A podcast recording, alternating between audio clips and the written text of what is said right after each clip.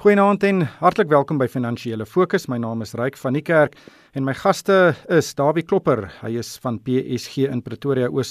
Goeienaand Dawie. Goeienaand Ryk.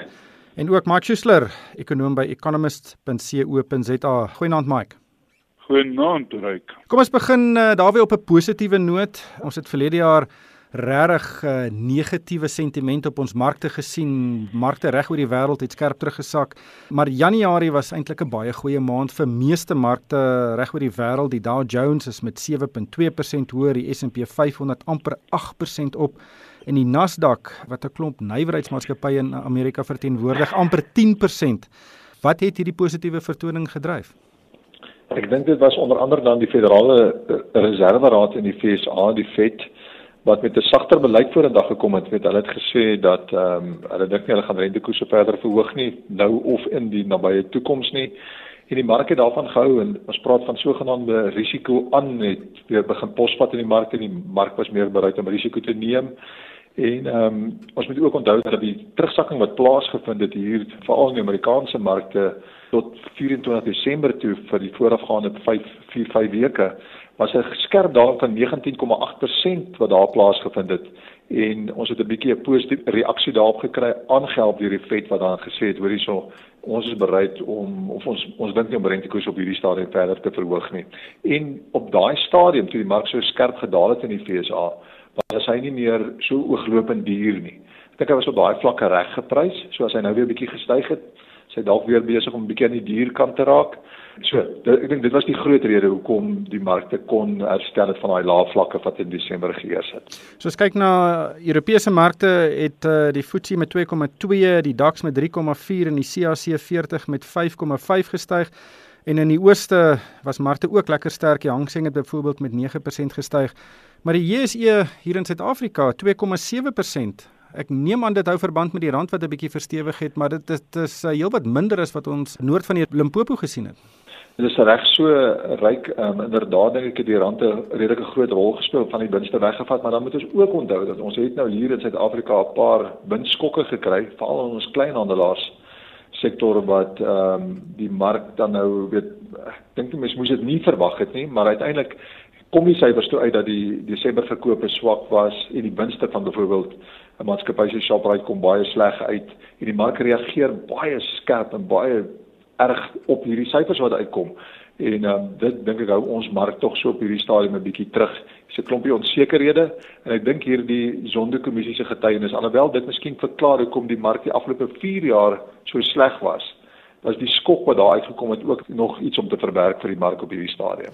Kyk ons het wisselvalligheid gesien verlede jaar. Ek neem aan hierdie is nou nie uh, een swaalkie wat 'n somer maak nie. Daar kan nog baie interessante dinge hierdie jaar gebeur. Ek dink so. Dit in Amerika moet jy vra hoekom is dit nodig dat die Fed die heeltyd hierdie suikerinspuitings moet gee en dat die rentekoerse nie kan normaliseer nie is die omgewing van so 'n aard dat dit nodig is en kan die besighede en die ekonomie amper op sy eie voete begin staan nie. En kan dit 'n impak hê ook die handelsoorlog van China en Amerika wat aan die gang is? Kan dit 'n impak hê op die winsgewendheid van besighede? Ons het wel gesien dat Apple het gewaarsku ehm um, dat in in McDonald's byvoorbeeld het gewaarsku dat die handelsoorlog veroorsaak onsekerheid en dit veroorsaak laer verkope. En dit beteken daar kom wind van voor. En daar's 'n bietjie onsekerheid wat opbou. Ons het dit ook by Davos gesien dat heelwat van die deelnemers wat by Davos was gewaarsku en gesê hoor hierso, maar die ekonomiese vooruitsigte is vir ons moeiliker hierdie jaar as wat dit dalk verlede jaar was. Mike, die Amerikaanse ekonomie is uh, baie belangrik. Ek dink die wêreldekonomie draai maar rondom Amerika en wat daar gebeur. Wat is jou interpretasie van hierdie verswakte vooruitsigte vir vir Amerika wat nou rentekoersverhogings vertraag. Uh, wat verwag jy gaan vanjaar met daai Amerikaanse ekonomie gebeur? Wel, ek sou eers op terug wil vat net wil sê, jy weet as ek na meeste internasionale instellings kyk, is die wêreldgroei nou besig om af te plat. Ek kyk nou na die IMF, e die Wêreldbank, al die ouens nou en ja, dit is net 0.1 of 0.2% wat hulle dit laat meer daal. Maar ons weet ook die internasionale instansies is gewoonlik bietjie meer optimisties van aard as wat die uh uh, uh werklikheid is. Maar um, dis weer ons is weer terug na die tendens van 3, 4 jaar gelede waar ons vir amper 'n dekade heeltyd hierdie afgraderings gesien het. En ek dink dit gaan 'n invloed hê op die hele wêreld uh hierdie handels um oorlog amper tussen China so, uh, en en Amerika soos wat Dawie van gepraat het. Daarby dink ek ehm um, so die is die is die groot belasting uh hupstoot amper besig om verby te gaan en uh ek dink die Amerikaanse Reservebank, die Federale Bank gaan nie meer so vinnig rentekoerse opstoot nie want hulle is nie meer so seker oor die Amerikaanse ekonomie nie. Maar soos hulle rentekoerse nou opgegaan het, sal dit ook natuurlik dan ehm uh, hulle ekonomie iets wat op afkoel. Ek dink uh oor die algemeen is ek redelik positief nog vir hierdie jaar vir Amerika, maar ek dink meneer Trump het regtig baie vyande wêreldwyd gemaak en hy het regtig baie onsekerheid geskep en as groot maatskappye soos Apple wie se waarde drie keer die Suid-Afrikaanse ekonomie basies was op 'n stadium uh sê kyk ons het nou 'n probleem in China en jy hoor nou van die uh, uh goed wat in ander lande aangaan soos Indië waar dit ook nie meer so rooskleurig is soos voorheen nie.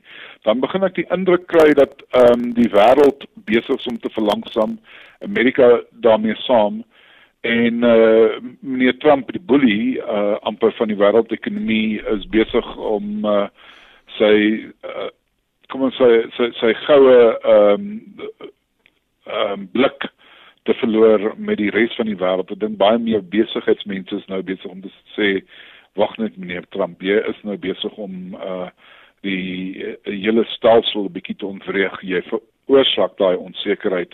Ehm um, ons wil nou hê jy moet 'n uh, bietjie daaraan dink. Maar ons het gesien met Barack Obama dat die stelsel in Amerika het basies al sy besluite geblok. Ehm um, en dit lyk asof Trump dieselfde roete gaan gaan dat hy eintlik baie minder gaan regkry nou as wat hy vroeër reggekry het met korttermyn aansporingsmaatreëls die Amerikaanse ekonomie te ondersteun en dit beteken minder groei.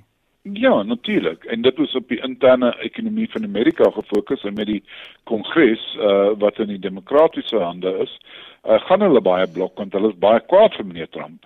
Maar onthou net hy het nog baie sê oor die internasionale handel um en die die handelsoorlog uh met wat hy wat, wat hy in China aan die gang het of Amerika en China aan die gang het.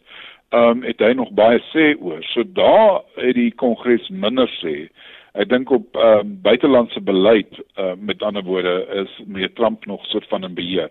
Maar jy sê heeltemal reg hmm. binne in Amerika uh gaan hy nie meer so baie goed kan doen soos wat hy wou nie.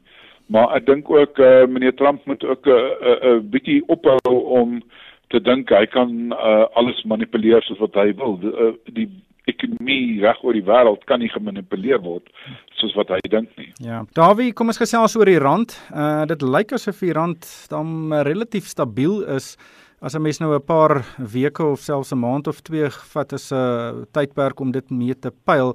Maar dit lyk asof ons dalk by R13 uh, teen die dollar kan uitkom. Is dit Suid-Afrika wat goed vertoon en die regte geleide maak of is dit maar 'n Trump storie wat die dollar laat verswak? Dalk is dit 'n kombinasie van al twee. Onthou ons rentekoerse is nou van die meer aantreklike koerse in die wêreld daar kan geld invloei dit vleur dat dit so klomp geld sien uitvloei ook uit ons uit effekte mark uit en uit ons aandele mark uit maar met dit dat rentekoerse nou in die vet dalk nie in Amerika nie verder gaan verhoog nie lyk ons rentekoerse nou baie aantreklik. So as jy dan verwag dat die rand kan stabiel bly kan jy verstaan dat die geld 'n bietjie invloei en ons het dan ook gesien dat die rand het die afgelope week wat heel wat skielik heel wat versterk en het hy nader aan die 13 rand vlak toe beweeg feit is ek het nog al sê dit al vir 'n geruime tyd dat ek, dink die rand is maar swak vir al as jy daar in die buiteland gaan rondreis dan sien jy dit, voel dit.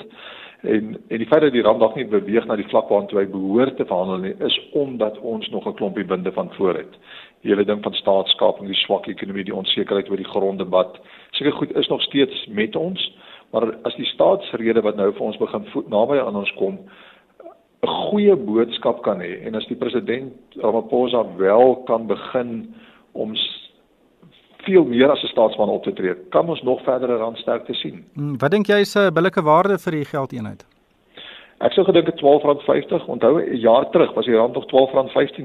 Nou 'n jaar terug was hy nog hier by R12.15 rond. So R12.50 sou vir my 'n baie sinvolle koers wees waarteen ons hopelik kan uitvoer. Ons het nou 'n redelike goeie handelssyfers gesien baie minder ehm um, invoere en ook minder uitvoere, maar die invoere was baie baie laer en dit sê is ook 'n refleksie van die sake se ekonomie is. Ehm um, R12.50, 'n goeie syfer vir my en daarteenoor dink ek kan 'n mens begin 'n goeie besluit neem. Wil jy in die buiteland belê, wil jy geld terugbring? Met al sulke goed kan jy dan begin doen.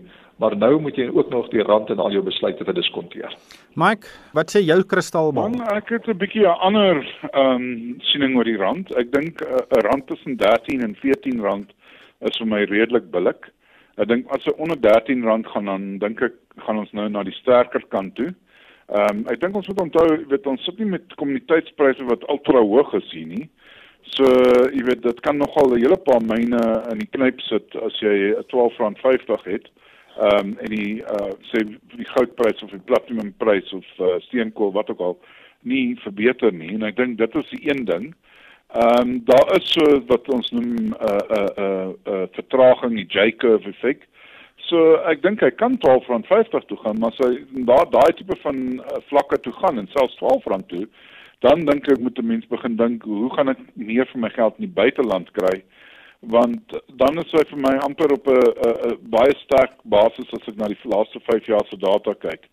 Ehm um, weer eens as ons dan die ander kant oor die 14 gaan, dan dink ek uh, is dit miskien 'n bietjie tyd om geld van die buiteland af terug te bring na Suid-Afrika toe want dan dink ek is ons aan die swakker kant. Maar om 'n spesifieke ehm um, vlak te gee ek dink hierso by die R13.50 rond uh of so sal binne sê uh 25 sent weeskante daarvan is vir my 'n baie billike vlak vir hierdie tyd van die jaar. Ons moet onthou ons inflasiekoers is altyd of is nog steeds hoër as die die ontwikkelde lande se inflasiekoers. Met in die probleem met die rand, byvoorbeeld die een interessante ding is as ons na die Big Mac indeks kyk, jy weet dan moet die rand eintlik hier by 6 rand rond wees en uh jy weet dit is dit dit uh op 'n manier is dit nie haalbaar nie. So dis 'n baie moeilike ding vir enige ekonom om te voorspel, maar ek voel gemaklik tussen 13 en 14 rand. Ja, ek dink in baie gevalle is 'n stabiele rand baie meer waardevol omdat jy die beplanning van ondernemings verbeter en hulle vooruitsigte as die rand sommer met R1.50 of R2 verswak of verstewig dan is ja. enige begroting basies uh, nie die die Excel spreadsheet werd waarop dit uh, ingetik is nie.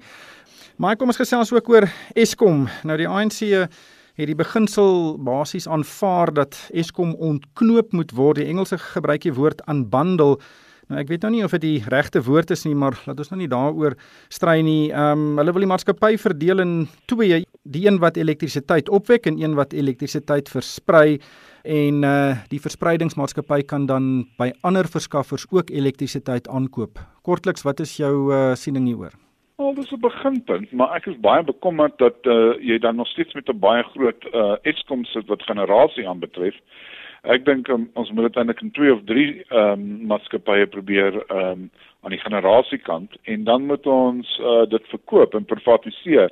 Ek dink net die dis te ver vir die ANC op hierdie huidige stadium en dis nie iets wat hulle voor 'n verkiesing in elk geval wou gaan sê nie.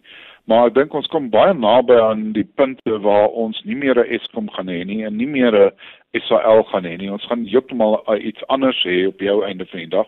Die distribusiekant kan ek verstaan dat dit dit miskien op een uh so maar dan moet dit baie meer trans ehm um, uh, moet ons baie meer inligting hê. Ons moet weet wat die koste is van die elektrisiteit wat ingaan en wat is die betaling wat ons dan doen.